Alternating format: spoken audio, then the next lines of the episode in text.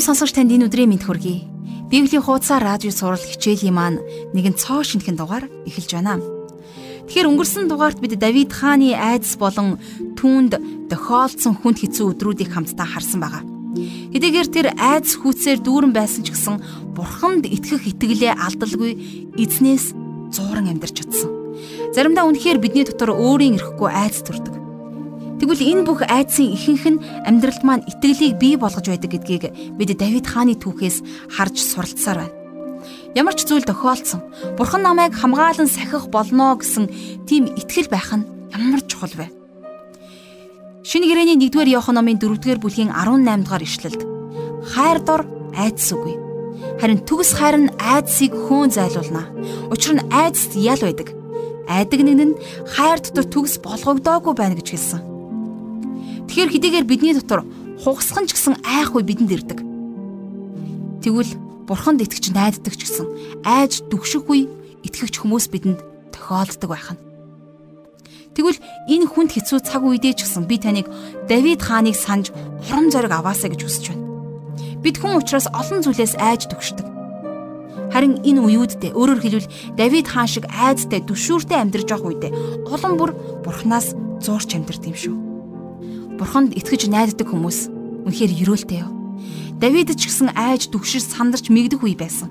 Харин Давид тэр нөхцөл байдлыг Бурханд илүү их итгэх боломж хөшүүрэг болгон ашигладаг байсан. Тийм учраас бид ч гэсэн ялгаагүй зовлон шаналлынхаа дунд Бурханаас тусламжгүй хашгирах үед Бурхан биднийг гарцаагүй хамгаалж биднийг ивэж өрөөх болно. Бид ганцхан Бурханд л найдах үед Бурхан биднийг дайснуудаас минь авран хамгаалах болно. Амен.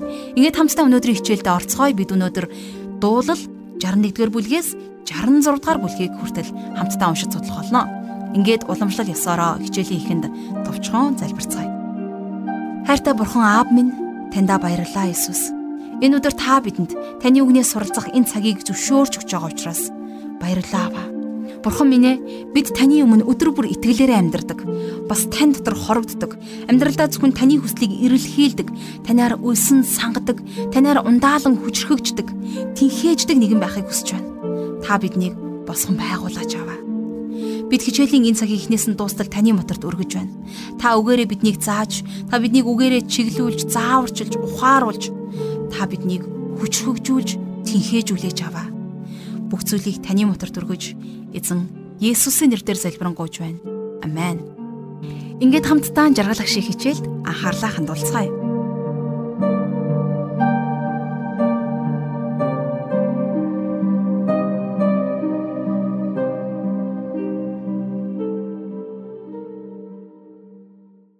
За дуул номынхон өнөөдрийн судлалыг та бид хамтдаа 61-с 66 дугаар бүлгээр өнөөдөр үзэх болно. 61-с 66 дугаар бүлгийг дуустлах энэхүү бүлэг болвол хамтдаа бурханлаг хүмүүсийн залбирал тэдний итгэлийн тухай өгүүлдэг дуулууд юм. Эдгээр дуул дээр гарч байгаа бурханлаг хүний залбирлаас бид нар бурхандаа бат итгэж найдсан ганхашгүй бат итгэлийг олж хардаг. Эдгээр дуулуудаас бид нар эзэн Есүс Христийн дүр зургийг ч гэсэн олж харах болно. За 61-р бүлгийн эхэнд удирдаачид чавтаст хөгжимд Давидын дуулал гэсэн байна. Тэгэхээр энэ дуулалыг тухайн үед чавтаст хөгжмөөр тоглон дуулдаг байсан. Орчин үед бол гитар дээр энэ дууг тоглож болно гэж ойлгож болохоор байна тийм ээ. За энэ дуулал бол Давидын зүрх сэтгэлийн залбирал. Давид бурхны өмнө ирээ залбирахдаа ямар нэгэн зүйлийг гуйхыг урьтал болгох биш. Харин өөрийнхөө зүрх сэтгэлийг нээхийг урьтал болгодог байсан. Бид нар Бурханаас гуйх гэж хүссэн зүйлсийн жагсаалтыг гаргаж байгаад л нэг нэгээр гуйдаг тийм ээ. За тэгээд энийгээ бид нар залбирал гэж нэрлэдэг.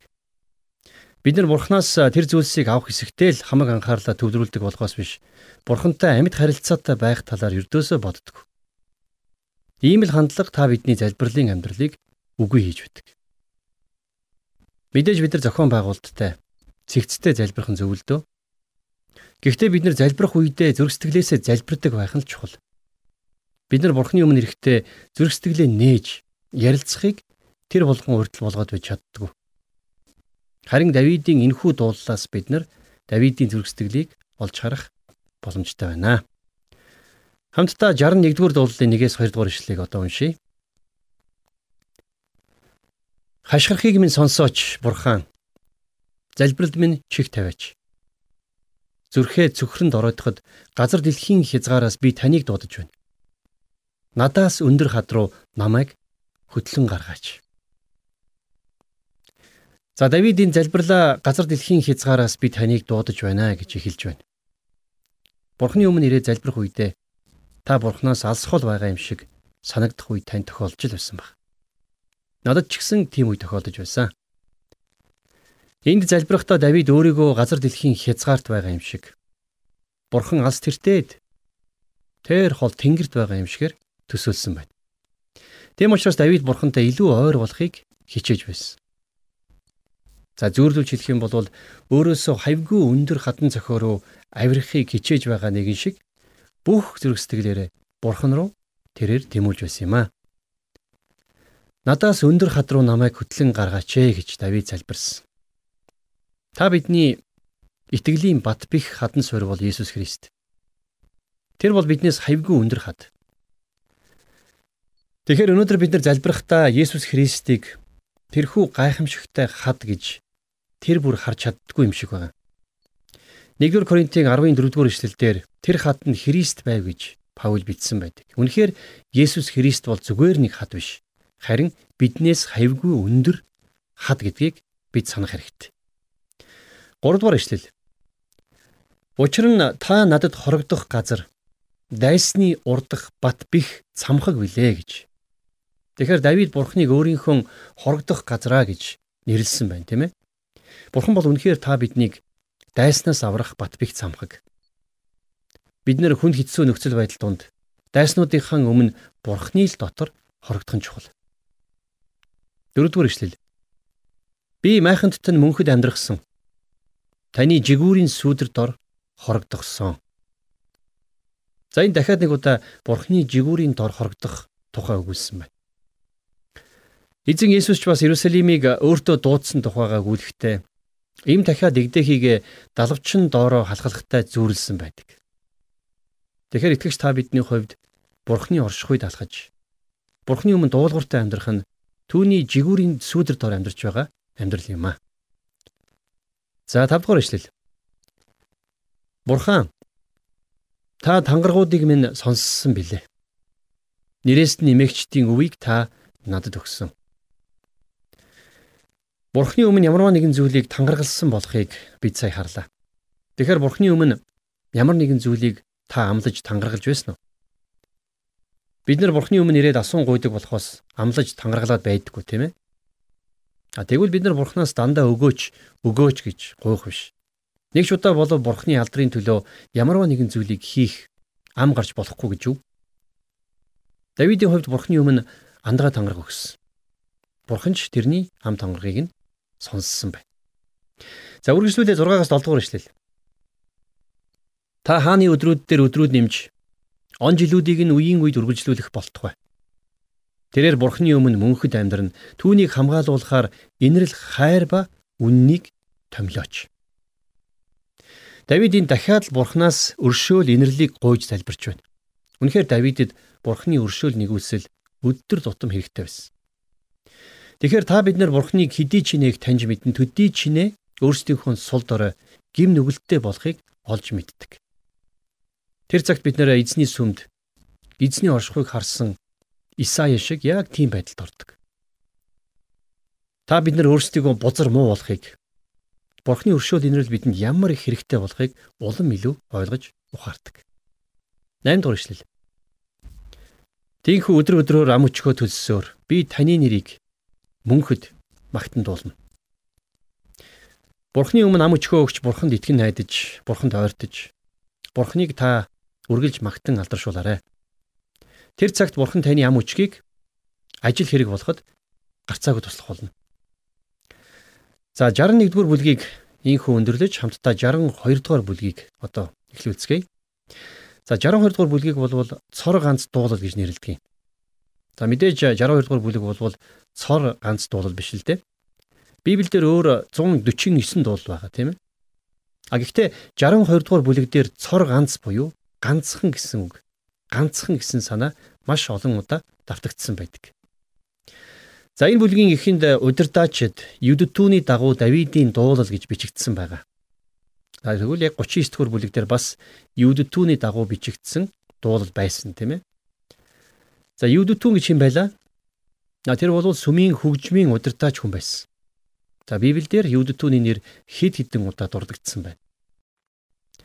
За энэхүү дуулалыг дуулагдах үед Юдтүн найрал дууг болон найрал хөгжмийг удирддаг байсан болов гэж Библийн судлаачид таамагладаг юм. Тэгэхээр 62 дугаар бүлэг яг хизээ бичигдсэн тодорхойгүй боловч ихэнх судлаачид Давидын хүү Абсалом аавынхаа эсрэг төрийн эргэлт хийсэн яг тэр хүнд хэцүү цагуудад Давид энэхүү дуулалыг бичсэн гэж үздэг. За энэхүү үйл явдлыг 2 дугаар Самуэль номын 15 дугаар бүлгийн 30 дугаар ишлэлээс харах юм бол тухайн түүхийг ингэж бичсэн байгаа. Харин Давид Чидүүн өксөрөөд мацхтаа уйлан толгоогоо бүтээж хөл нүцгэн яв. Мөн түүнтэй хамт байсан хамаг ард олон толгоогоо бүтээж уйлан явлаа гэж. Тэгэхээр тэр үе бол Давидын амьдралын хамгийн хүнд хэцүү үеүүдийн нэг байсан. Энэ бол тэрний хувьд хямрал. За бүр уналтын үе байсан. Давидын хүү Абсалом их зэрэгэ дагуулж Иерусалим хотод ирэх үед бүх хүний өмнө маш чухал шийдвэрийн цаг үе тулж ирсэн юм. Хүмүүсийн зарим нь Давидыг сонгосон бол харин зарим нь Абсаломыг сонгосон. Тэгэхээр Давидын хувьд энэ хүнд үед хин нь өөрт нь үнэнч, хин нь өөрт нь үнэнч биш болохыг их тодорхой олж харсан байдаг. Үнэнч дагалдагчд болон урган тэрслэгчд нь ил тод болсон. За Давидын Батшибатай гэрэлсэн гэрлэлтээр дамжуулан Давидын ойр дотны хүн болсон Ахитофел гэгч хүнд Давид маш ихээр итгэдэг байсан. Ахитофел бол маш мэрэгэн зөвлөх чадварлаг удирдагч байсан. Харин яг энэ хүнд хэцүү цаг үед Ахитофел Давидыг орхиж Абсаломтой нэгдсэн байдаг. Тэгэхээр хамгийн их итгэж найдаж байсан хүн нь ингэж урвсанд Давид маш том цохилтонд орсон юм. За бас Саулийн хүү Давидын дотнчлан үздэг Мифи Бошет ч гэсэн Давидаас урвсан тухай мэдээг Мифи Бошетийн зарц Зиба Давидэд дуулгадаг тийм ээ. За ингээд Давид Иерусалим хотоо орхиж хөл нүцгэн гашуудан явх үедээ Саул хаанд үнэн сэтгэлдээ Биньямин хүн Шимэй гихч нөхөртөө таардаг. Зүрх сэтгэлдээ өш хонзон тээж явсан тэр хүн Давид руу чулуу шидэж Давидыг элдвээр харааж зүгсэн байдаг. За дараа нь Абсаломыг Иерусалим хотод орж ирэхэд Давидыг багтан хашгирдаг байсан тэр ард түмэн нь Давидаас нүүр буруулж Абсаломыг харин багтан уухайлж угтсан байна. Энэ үйл явдлаас хэдэн зууны дараа яг л ийм дүр зураг давтагдсан юм. Санж байна уу та? Есүс Христийг Иерусалим хотод орж ирэх үед Хозана, Хозана гэж хашгиран угтсан тэр ард түмэн хэдхэн хоногийн дараагаар тэрнийг цовдол, тэрнийг цовдол гэж хашгиралдаж байсан шүү дээ. Тэгэхээр ийм хоёр нүртэй хүмүүсийн хуурамч байдлыг хамгийн ойр, хамгийн хүчтэйгээр мэдэрсэн хүн бол Давид байсан. За харин яг тэр хүнд хэцүү цаг үедээ Давид энэхүү 62 дугаар дуулалыг бичсэн байна. 62 дугаар дуулал дээрээс бид нэр ганцхан бурханд л итгэл найдвараа тавьсан хүний дүр зургийг олж харна. Ийм хүн амьдралын альва нөхцөл байдал, альва хүнд цохилт, альва хүнд хэцүү дарамт бүхнээс дээгүүрт дүүлэн амьдарч чаддаг. Яагаад гэвэл тэр хүн өөртөө юм уу эсвэл өөр хин нэгэн хүнд биш, тийм ээ? Харин ганцхан бурханд л итгэл найдвараа тавьдаг хүн. Тэгэхээр энэхүү дуулал дээрээс бид нэгч урам зориг мохсон үгийг бол олж уншихгүй. Саад бэрхшээл, зовлон зүдгүр, ялагдлын дунд бичигдсэн хэдий ч гэсэн энэхүү дуулал дээр урам хугарч, зориг мохож, айж чичирсэн нэг ч үг бичигдээгүй байна. А эсвэл нөгөөтэйгөр бас зөрсгөлдөө тээсэн ямар нэгэн хорсол занал хийлэж гисэн энд байхгүй. Тэгэхээр 62 дугаар бүлэг бол ердөөсөө л итгэл найдварын дуулал. Аврал, ялалт, урам зоригийн дуулал. Өөрийнх нь амьдралын тийм хүнд хэцүү цагт Давид яаж ийм гайхалтай дуулалыг бичсэн болоо гэд гайхаад гайхаад баршгүй. За хамтдаа одоо энэхүү гайхалтай дуулалын нэгдүгээр ишлэлийг хамтдаа уншийе. Сэтгэл минь Бурхныг л чимээгүйхэн хүлээн. Аврал минь түүнээс юм. За энэхүү нөхцөл байдлын дунд Давидыг аялдан дагалдаж байсан Давидын зүрх сэтгэлийг ойлгодгүй хүмүүс Давидыг байх ёстой байранда бат зогсож өөрийнхөө хаанчлалыг хамгаалан тэмцхийг ятгах байсан мэдээж. Бурхнаар тослогдсон хүн учраас өөрийнхөө хаанчлалыг хамгаалж итгэлээрээ тэмцэх ёстой гэж тэд нар Давидыг ятгах байсан. Харин Давид бол тэгж бодоагүй. Давид өөрийнхөө амийг өөрийнхөө гарт байгаа гэж хизээч бодож байгаагүй. Давид өөрийнхөө амь насыг бурхны мутар даатгадаг нэгэн байсан. Тийм ч учраас Давид зүхтахыг илүүд үзсэн. Давид өчөөхөн сул дорой хүн шиг Бурханаас гайхамшигыг гуйж өөрийнхөө төлөө ямар нэгэн агуу зүйлийг хийгээч гэж шахаж шавдуулаг. Давид эр хүн шиг босч зовлон бэрхшээлийнхээ зүгт Бурхантай хамт итгэлээрээ алхсан юм. Энэ бол үнэхээр агуу итгэл. Энэ бол Бурханаас өгөгддөг итгэл. Бусад хүмүүсийн нүдэнд хэдийгээр ялагдал гэж харагдаж байсан ч гэсэн Давидын хувьд бол зүгээр л итгэлийн шалгуур байсан. Давид Иерусалимаас ухарсан ч гэсэн тэрний энэ итгэлийн алхам түүний ялалтын алхам байсан юм а. За хоёрдугаар ишлэл. Ганцхан тэр л миний хад. Миний аврал. Миний бат цайз. Би ихээр ганхахгүй. За ингээд Давидыг Иерусалимаас гарахт нь Задок тахилч хамт явхаар болдог. Задок үнэхээр итгэмжтэй нэгэн байсан учраас Бурхны оршихуйн бэлэгдэл болсон Бурхны гэрээний авдрыг аваад Давидтай хамт явах гэж байсан. Харин энийг харсан Давид Задокт ингэж хэлсэн байна. За энэ түүхийг хамтдаа 2 дугаар Самуэлийн 15 дугаар бүлгийн 25-аас 26 дугаар ишлэлээс харъя. Бурхны авдрыг хот руу буцаан аваач. Хэрвээ би эзний мэлмий тааллыг олох юм бол эзэн намайг дахин буцааж авчран авдар болон өөрийн оршихуйг үзүүлэх болно гэж Давид Задокт хэлсэн байх юм. За эндээс бид нар бол нэгэн гайхамшигтдаг үннийг сурж болохоор байна. За Давидын хувьд зөвхөн бурханд л бат итгэж найдаж байсан учраас бурхны авдрыг хүртэл хойш тавьсан.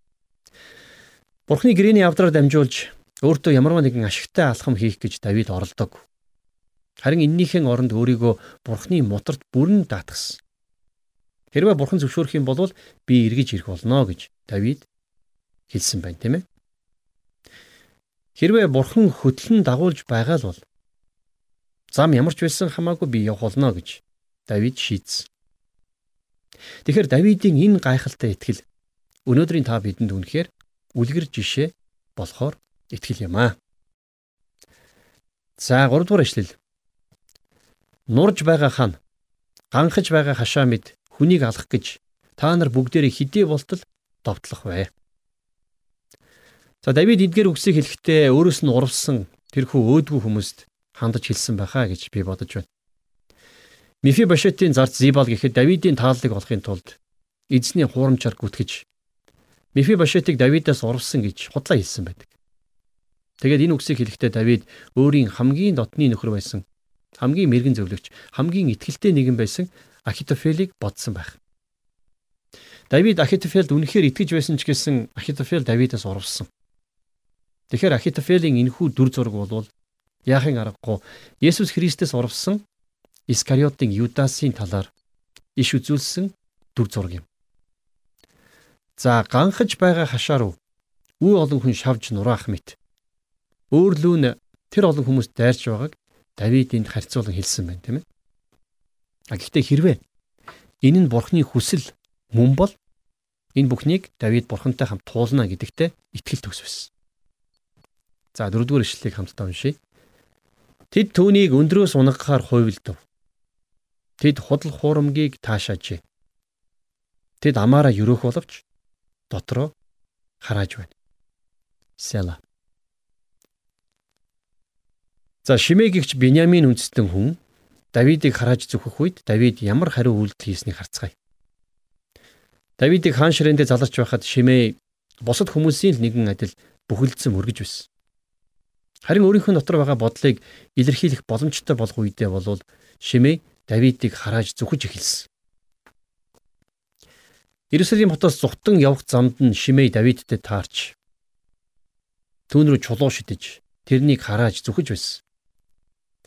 Давидын үнэт жанжин Зервайгийн хүү Абишай энэ байдлыг хараад хэлэгнэж энэ үгсэн нохоо яахлаараа миний эзэн хааныг хараад гин бэ? Очиж тэрний толгойг тасдахыг надад зөвшөөрөөч ээ гэж Давидаас зөвшөөрөл хүртэл өссөн байдаг. Бид өнөөдөр дахиад л шунзангийн тухай ярих гэж байна.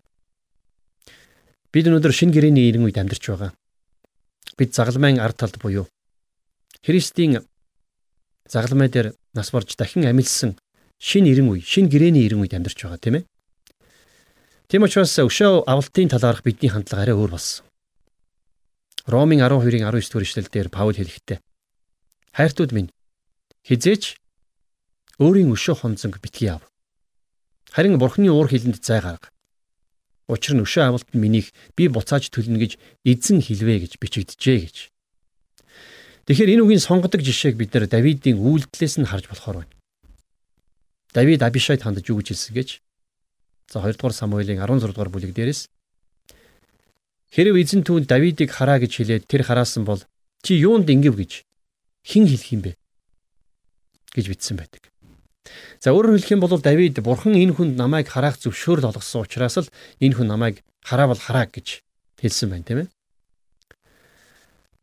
Бурхан таныг илүү сайн итгэж болгохын тулд таны амьдрал зарим нэгэн онцхон хүмүүсийг зөвшөөрсөн юм биш байгаа гэж та хэзээ нэг зэгт бодож байсан уу? Таны амьдралын замд бурхан саад бэрхшээлийг зөвшөөрсөн бол таны өмнө дайснуудыг бий болгосон бол та битгий зочирдоорой. Харин эннийхэн оронд бурханд илүүгээр итгэж бурхны өмнө итгэлээрээ алхах хэрэгтэй. Заримдаа бидний амьдралд бурханд итгэх ёстой тийм цаг ирдэг. За тэгвэл бид нар яг ямар үедээ бурханд итгэх ёстой юм бэ? Нар мандсан тэнгэр цэлмэг байх үед үү? Эсвэл тэнгэр бүрхэг салхи шуурч байх үед үү? За Давидын хувьд бол бурханд итгэх цаг бол хамгийн хямралтай, хамгийн хүнд хэцүү цаг мөчн байсан байна. За 5 дугаар ишлэл. Сэтгэл минь Бурхныг л хүлээ. Учир нь найдвар минь түүнээс юм. За залбирал гэдэг үгийг Библи ингэж тодорхойлсон байдаг. Тэгэхээр Давид хүнд хэцүү цаг үедээ Бурхныг л хүлээсэн. Бурханд л найз. Тэрээр чанга чанга ашигар залбирааг. Мундаг мундаг юм итгэлээр тунхаглааг. Эсвэл Бурханд ямарваа нэгэн юмыг тулган шаарддаг. Давид Бурхны хүсэл биелэгдэхийн төлөө л залбирсан. Ягд гэвэл Бурхны хүсэл тэрний хувьд хамгийн сайн юм гэдгийг Давид ойлгож байсан. Магадгүй Давидын эргэн тойронд байсан зарим хүмүүс Давидыг шахаж шавдуулж тийм ээ. За тэгээд ямар нэгэн яаралтай арга хэмжээ аваач ээ гэж тулгаж байсан байх. Харин Давидын хувьд бол тэр Бурхныг л хүлээж байсан. За тэгвэл Илч Паул бас 1-р Тесалоникийн 5:17 дээр яг энэтэй утга ижил зүйлийг хэлсэн байдаг. Тасралтгүй залбир гэж хэлсэн байдаг тийм ээ. Тэгэхээр Паул ингэж хэлэхдээ мэдээж биднийг хоногийн 24 цагийн турш өвдөг дээрээс өгдөөд залбирах талаар өрдөөсөө хэлээгүй нь мэдээж. Харин Паул бид нарыг Бурхны өмнө өвдөг сөгдөн итгэлээрээ залбираад дараа нь босч үлдсэн 24 цагийн турш тэрхүү залбирлынхаа хариултыг хүлээж амьдрах тэр амьдралын хэв маягийг загсан юм. Давид ямарваа нэгэн залбирлын цугларал зохион байгуулаагүй. За хамгийн сонирхолтой нь дууллын 62 дугаар бүлэг дээр нэгч залбирал байдаг. Тэгсэн хэрнээ 62 дугаар бүлэг тэр чигтээ залбирлын уур амьсгалыг нэвт шингээсэн дуулал байна. Давидын хувьд бурханд өөрийгөө бүрэн зориулсан байсан учраас тэрний амьдрал, тэрний үйлдэл болгон бүхэлдээ залбирал болж хувирсан байсан. Иерусалим хотын хаан Давид энэ хүнд хэцүү цаг үедээ уйлж байсан. За би энд нэг зүйлийг их тод бөгөөд тодорхой хэлмээр байна эр хүн уйлдаг. Монголчууд бид нар жаахан хүүхдийг багаас нь эр хүн уйлдгүй маа гэсээр байгаад сэтгэл зүрхийг нь хааж сэтгэл хөдлөлийг нь түгжиж орхидог тийм ээ. Давидын зүрх сэтгэлийг хэрвээ бид нар харах юм бол тэрний гадаад байдлыг нь бид мартахаар болж байна. Яагаад вэ гэвэл нөхцөл байдал хаашаа хэрэг гэхээс ч үл хамааран бурханд бүрэн итгэж найдаж байсан. Магадгүй өөр хүн байсан бол дотор нь хилэн хорсол буцлах байсан байх. Харин Давид бол тийм хүн байгаагүй. Давидын төрийнхөө зөргсдөглийг эзэн бурхандаа уудлан уйлан байж сэтгэл минь Бурхныг л хүлээ учир нь найдвар минь түүнээс юм а гэж хэлж чадсан байна. За 6 дугаар ишлэл. Зөвхөн тэр л миний хад. Миний аврал. Миний бат цайз. Би ганхахгүй. За саяын уншсан ишлэл болвол энэ 62 дугаар дуулалын амин зүрх гэж хэлж болно. Энэ бол Давидын амьдралын амин зүрх нь болсон итгэлийн тунхаглал.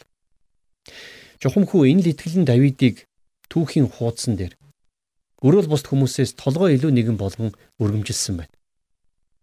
Давид их тодорхой зөвхөн таал миний хад гэж бурханд хэлж байна.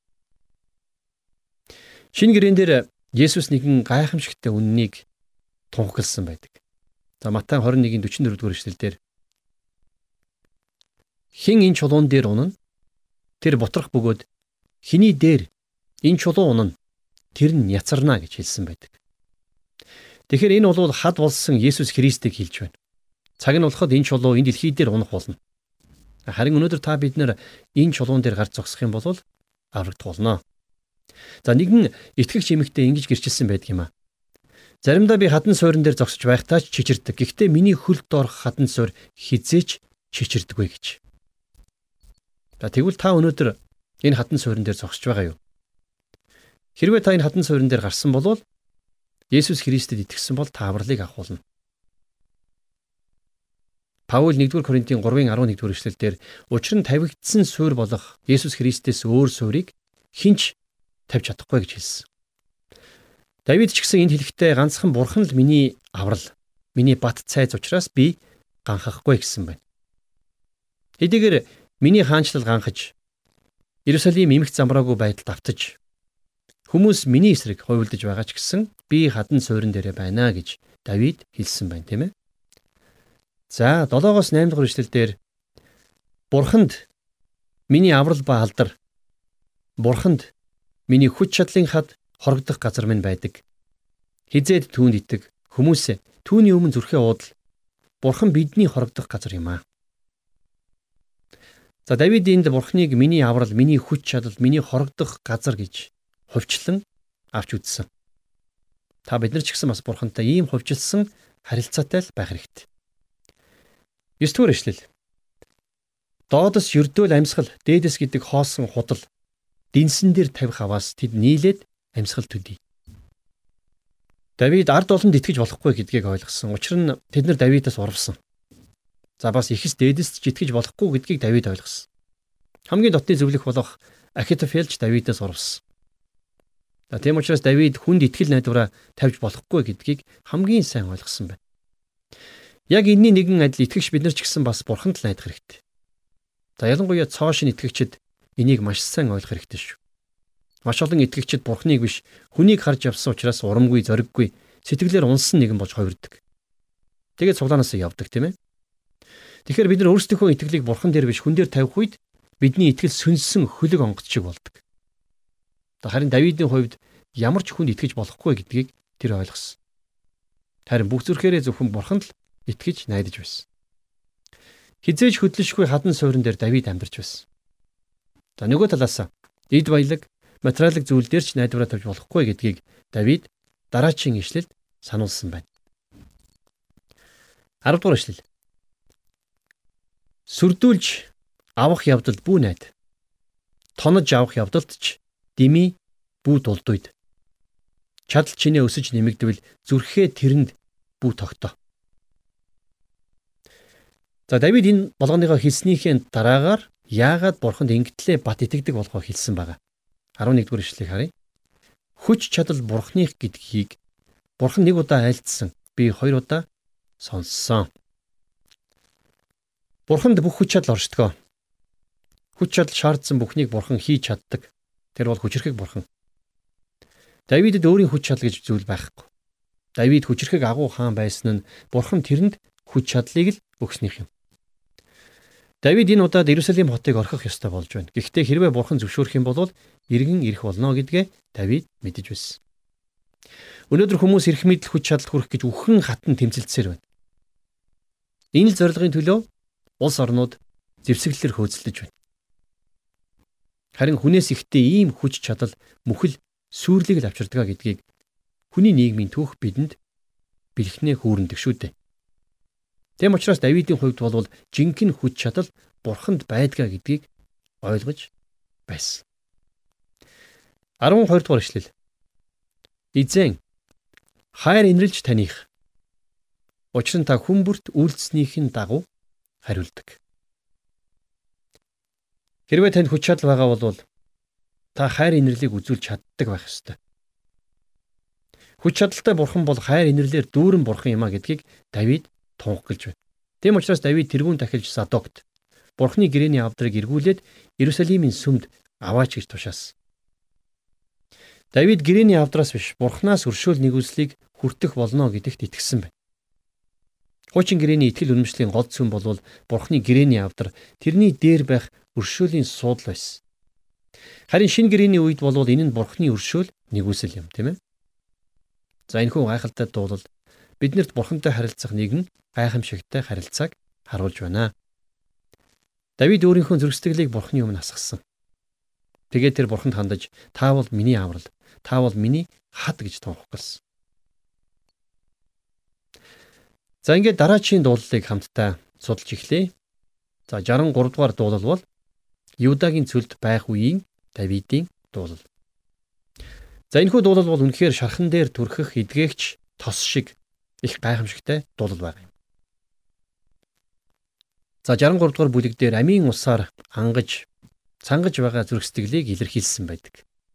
Энэ бол чуулгануудын хувьд их чухал дуулал. Хамтдаа 63 дугаар дуулалыг дэлгээд нэгээс 2 дугаар ишлэгийг одоо уншийе. Бурхан та миний бурхан. Би таны гэртлэн хайх болоо. Усгүй, хуурай, ангамл газарт сэтгэл минь танаар цангаж би махбод минь таныг хүссэн тэмүүлж байна. Таныг би ариун газарт хайсан, таны хүч, таны алдрыг харсан. Зөвхөн итгэлээрээ л бид нар инхүү тунхаглах боломжтой.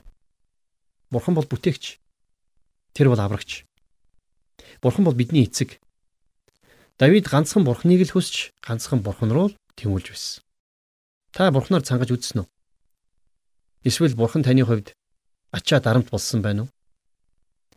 Бид нар үнэхээр бурхнаар үлсэж бурхнаар үргэлж цангадаг хүмүүс байх хэрэгтэй. 4-5 дугаар ишлэл. Ийхүү би амьддаа таныг магтана. Таны нэрээр би гараа өргөх болно. Чөмөг өөхөнд юм шиг сэтгэл минь цатгалан бөгөөд ам минь баясгалан дуруулаар магтаалуудыг өргөнө. За Давидын хувьд элбэг хангалуун хоол унднаас ч илүүтэйгээр бурхантай нөхөрлөх нөхөрлөлийг илүүд тавих болно гэдгээ тэр энд хэлсэн байна тийм ээ. За 6-аас 7 дугаар ишлэлдээр үргэлжлүүлээд шүнжин таны тухай тунгаан бодохдоо орондоо таныг би дурсан санана. Учир нь та миний тусламж бөгөөд таны жигүүрийн дор би баясгалантайгаар дуулнаа гэсэн байна. Бурхантай харилцаатай байна гэдэг бол Бурханы талаар байнга бодож санана гэсэн үг тийм ээ. Давид бурхны талаар тунгаан боддог байсан. Тэр тусмаа нойрон хуйлдсан шүн Давид бурхны талаар эргцүүлэн бодож байна. Тэгэхээр хонь тоолж хэвтгэхийн оронд та бурхны сайн сайхныг тоолж хэвтэх юм бол тэр нь хавьгүй илүү өрөөлтэй байх болно гэдгийг би энд хэлмээр байна. 8 дугаар ишлэл. Сэтгэл минь танаас зуурчээ. Таны баруун мотор намайг төсч байна. Та бидний зэрэг сэтгэлч гэсэн Давидын шиг бурхнаас үргэлж зурдаг байгаасай гэж байна. Тэгэхээр 63 дугаар дуул бол үнэхээр ивэлтэд бол. Анхан үеийн чуулганууд энэ дуулалыг цуглах бүртээ дуулдаг байсан. За таа ч гэсэн энэ дуулалтай их ойрхон байгаарай. За үргэлжлүүлээд 64 дугаар бүлгийг одоо хамтдаа харцгаая. За энэхүү дуулалыг Давид амьдралынхаа чухам яг ямар үе зохиосныг бол бид нар мэдэхгүй. А гэхдээ энэ дуулал дээр гарч байгаа үгс өнөөдрийн та биднэрт ч гэсэн бас хамаатай юм. За нэгээс 2 дугаар ишлэл дээр Бурхан гомдлын минь дууг сонсооч. Дайсны аимшигаас амийг минь хамгаалаач. Намайг муу хүмүүсийн нууц чуулал, ёс бусыг үлдэгчдийн үүмэн шууганаас нуугаач. За Давид энд өөрийн нууж өхийг Бурханаас гуйсан байна. За анзаарч харах юм бол Давид байсыгээд л Бурхны өмнө яг ийм залбирлыг хийдэг байсан. Залбирлын дотор Давид өөрөө хорогддог байсан. Үнэн дээр тэрэнд өөр нуугдах газар байгаагүй. Зовлон дунд ч гэсэн бас залбирал дотор хорогдох боломжтой. За энэхүү товчхон дуулалтын төгсгөл хэсэгт харин Давид Бурханд итгэж найдсан бат итгэлээ гэрчлэн ингэж хэлсэн байна. Харин бурхан тэднийг сумаар харван тэд гинтхэн шархтана. Ингээд тэд түүнийг бүдрүүлнэ. Өөрсдийнх нь хил өөрсдийнх нь эсрэг болно. Тэднийг харагчид бүгд толгоос ихсэрнэ. Тэгээд бүх хүн имэж бурхны ажлыг тунхаглан үйлцнийг нь тунгаан бодох болно. Зөвд хүн эзний дотор баярлаж түүний дотор хорогдно. Зүрх шудрах бүхэн бахархан багтнаа. Өнөөдөр нийгэмдэр хүмүүс янз бүрийн зүйлд итгэж найдаж байна. Гэхдээ бидний итгэж найддаг бүхэн та бидний итгэлийг алдсаар байгаа шүү дээ улс төрчидч, шинжлэх ухаанч, боловсрол мэдлэгч бидний итгэл найдварыг бүрэн дааж чадахгүй байна. Тийм учраас бид нар Давидыг дуурайх хэрэгтэй. Бид нар бүх итгэл найдвараа бурханд тавьж зөвхөн бурханаас зурхан л та бидний хувьд хамгийн ухаалаг, мэрэгэн алхам юм шүү. За эцэстэн хамтдаа 65 болон 66 дугаар бүлгийг товчхон үзээд өнөөдрийнхөө хичээлийг өндөрлөх болно. Тэгэхээр 65 дугаар бүлэг болвол хожим ирэх Христийн мянган жилийн хаанчлалын талаар иш үзүүлсэн зөвгнөл үзүүлэг гэж Библийн олон судлаачид үздэг. За нэгдүгээр ишлээс нь харах юм бол Бурхан таны өмнө анир чимээгүй байдал Сион дахь магтаал байх болно. Танд ам өчгийгч биелүүлнэ гэж. Тэгэхээр итгэж бид нараа Бурханыг чимээгүй хүлээх үед энэ нь Бурханыг хүндлэн дээдэлж байгаа бидний магтаал болдог шүү. Дөрөвдүгээр ишлэл дээр хашаандаа суулгахаар таны сонгож ойртуулсан хүн юутай өрөөлтэй вэ? Бид таны ариунсан болох таны өргөөний сайн сайханд хангалуун байна гэж. Бурхнаар аврагдсан хүмүүс Бурхныг магтан алдаршуулж байгаа дүр зураг энд гарч байна тийм ээ. Үнэхээр Бурханд итгэж амьдралдаа Бурхныг урьж оруулсан хүн бол ерөөлтэй хүн. Бид нар Бурхныг амьдралдаа урьж оруулах үед бид Бурхны ариун сүнс орших ариун сүмэн болж хувирдаг. Бурхны сүнс орших тэр газар байна гэдэг бол та бидний хувьд үнэхээр гайхамшигтай хувь тохиол. За цааш нь 65 дугаар бүлгийнхээ 9-оос 13 дахь бүлэг ишлэгийг хамтдаа уншийе. Та газар дэлхийд айлчилж түүнийг бялхуулдаг. Та түүнийг ихэд баяжуулдаг. Бурхны урсгал усаар дүүрэн байдаг. Та газрыг инх үзэхэхдээ тэдний үр тариаг бэлтгэдэг. Та түүний шанг аримнаар услан нурууг нь тэгшилж та зүсэр бороогоор түүнийг дэвтэн ураг гэхийг нь чөрөнө. Та ээлтэй жилдээ титэм өмсгөн таны мөрөөр тос цавдмыг хээр талын бэлчээрүүд ч цавдуулж толгод баяр баясгалан гар хучигддаг. Нугыг хонин сүрэг нүмерч хөндийнүүд үр тариагаар хучигджээ. Баясгалантай хашгиралтууд тийм ээ. Тэд дуулалдмуй. За энэ бол дахиад л хожим болох Христийн мянган жилийн хаанчлалын гайхамшигтай дүр зураг байна. Энэ дэлхий бүхэлдээ Бурхныг магтан алдаршуулж Энэ дэлхий бүхэлдээ Бурхны өмнө амар тайван баяр хөөрөөр дүүрнэ. Тэгэхээр энэ дуулал яг хизээ бичигдсэн болохыг болол бид нар мэдэхгүй. А гэхдээ энэхүү гайхамшигтай магтаалыг бид хараад сэтгэл баясахгүй байхын аргагүй байна. За үргэлжлүүлээд хамтдаа дуулалын 66 дугаар бүлгийн 8 дугаар ишлэгийг гаргацгаая. Хүмүүсээ бидний бурхныг магтаж магтаалынх нь дууг сонсгох тоон гэсэн байна. Энэхүү ишлэл бол хожим бурхнаар хамлагдсан газар нутаг дээрээ дахин сэргийгдэх Израилийн сэргэлтийн тухай ишлэл гэж олон Библийн багш нар үздэг юм аа. Тэгэхээр хуучин гэрээний Изекиэл номоос харах юм бол хожим нь тэд нар бүгдээрээ бурхнаар сэргийгдэж бурханд тахил өргөх болно гэж бичигдсэн байдаг. За хуучин гэрээн дээрх тахилууд нь удахгүй ирэх Иесус Христийг бэлэгдсэн байдаг болвол за тэр цагт Израильчуудын өргөх тахил нь энэ дэлхийд ирээд Тэнгэрт одсон тэрхүү ертөнцийн нүглийг үргэж бурхны хургийг бэлэгдсэн тахилууд байх болно. За энэ хүрээд өнөөдрийнхөө Библи судлалын цагийг өндөрлөе. Энэ цагаар дамжуулаад бурхан танд ивэлээ харамгүй өгсөн гэдэгт би итгэлтэй байна.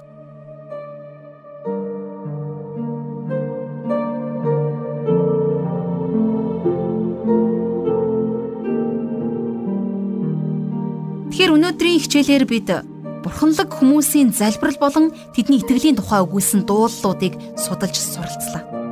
Тэгэхээр энэ бүх дуулуудаас бурханлаг хүний залбирлыг сонсож түүний бурханд итгэж найдсан ганхашгүй бат итгэлийг олж харах үнэхээр гайхамшигтай байлаа. Давид хаан бурхны өмнө ирээд залбирахдаа ямар нэгэн зүйлийг гуйхыг урьдал болгоулгүйгээр харин өөрийнхөө зүрх сэтгэлийг урьдал болгож байсан миний хувьд үнэхээр суралцсан хамгийн том хичээл байлаа. Надад бурхнаас гуйх зүйл маш олон байна. Тэр бүхнийгээ би өглөө өдөр орой бүр гуйдаг.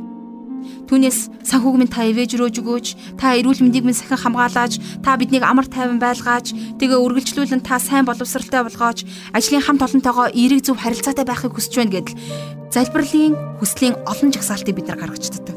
Тэгээ залбирал гуйлтынхаа жагсаалтын дагуу үргэлжлүүлэн залбирч байдаг. Гэтэл нэг удаа өөрийн дотоод зүрх сэтгэл рүүгээ хандаж өөртөө байгаа муу зүйлийг илчилж бурхны өмнө залбирч байгаагүйдээ үнэхээр их гимшиж суулаа. Хамгийн гол нь эндээс бид бурхан эцэгтэйгээ хэдий чиний ойр байна, төдий чиний таньж мэдэж өөрсдийнхөө сул дорой болохыг, гим нүгэлтэй болохыг олж мэддэг болохыг бид хамтдаа сурлаа. Тэгэхээр энэ бүх зүйлийн нин тэргүнд бурхныхаа өмнө очиж ам өчгөө өгч зөвхөн түүнд итгэж найдаж, түүн рүү ойртож их эзнээ бүгдээрээ алдаршуулж амьдарцгаая. Ингэснээр бурхан хизээ нэгэн цагт бидэнд туслахтаа урамтай байх нь гарцаагүй. Энэ хичээлээс өөр нэгэн анхаарал татсан зүйл бол миний хувьд Бурхан биднийг сайн итгэгчд болгохын тулд амьдралд маань зарим нэгэн муу хүмүүсийг зөвшөөрдөг тухайсан. Тэгэхээр бид саад бэрхшээл нүүрлэн ирэхэд ч гэсэн эргэн тойрондоо дайснуудаар хүрээлэгдсэн байсан ч гэсэн цочирдох хэрэггүй байхна. Харин инкийнхаа оронд бурхандаа бүр илүүгээр итгэж түүний үгнээс суурч түүний өмнө итгэлээрээ алхах хэрэгтэй. Энэ хүрээд өнөөдрийн хичээл маань өндөрлөж байна. Ингээд хамтдаа сурч мэдсэн зүйлийнхаа төлөө бурханд талархах цагийг заавал гаргацгаая. Ингээд хамтдаа залбирцгаая. Бүгдийн дээд эрхэмдээд эзэн минь таньда талархал өргөн залбирч байна. Та бидний итгэл найдвар. Тимээ хизэн та бол бидний хорогдох газар үлээ. Өнөөдөр энэ дэлхийн хүмүүс янз бүрийн зүйлсэд итгэж найддаг ч гэсэн өөрт нь итгэгч хүмүүсийн итгэлийг хизээж хүсэрдүүлдэггүй. Өөрийн хайртай хүмүүсийг та хизээж ичхүүрт унагдгүй учраас таньда талархал магтаалын дээдийг өргөе. Үнэхээр бид зүрх сэтгэлээрээ итгэлээрээ танаас бат зурж зөвхөн таныг л хүсэн хүлээж зөвхөн танд л дүшиглэн амьдардаг хүмүүс болохыг хүсэж байна. Та биднийг сүнс дотор шинчлэн өөрчлөөж аваа. Эзэн Есүс таныг сүр жавхлантайгаар дахин ирэх тэр цаг үеийг хүртэл бид зөвхөн танаас сурч таны дотор хорогдон амьдрахыг хүсэж байна. Та биднийг ариун сүнсээрээ хөтлөн дагуулаарай. Бүхий л зүйлсээ өдр хоногууда ам амьдралаа таны моторд өргөж эзэн Есүсийн нэрээр залбирanгуйж байна. Амен.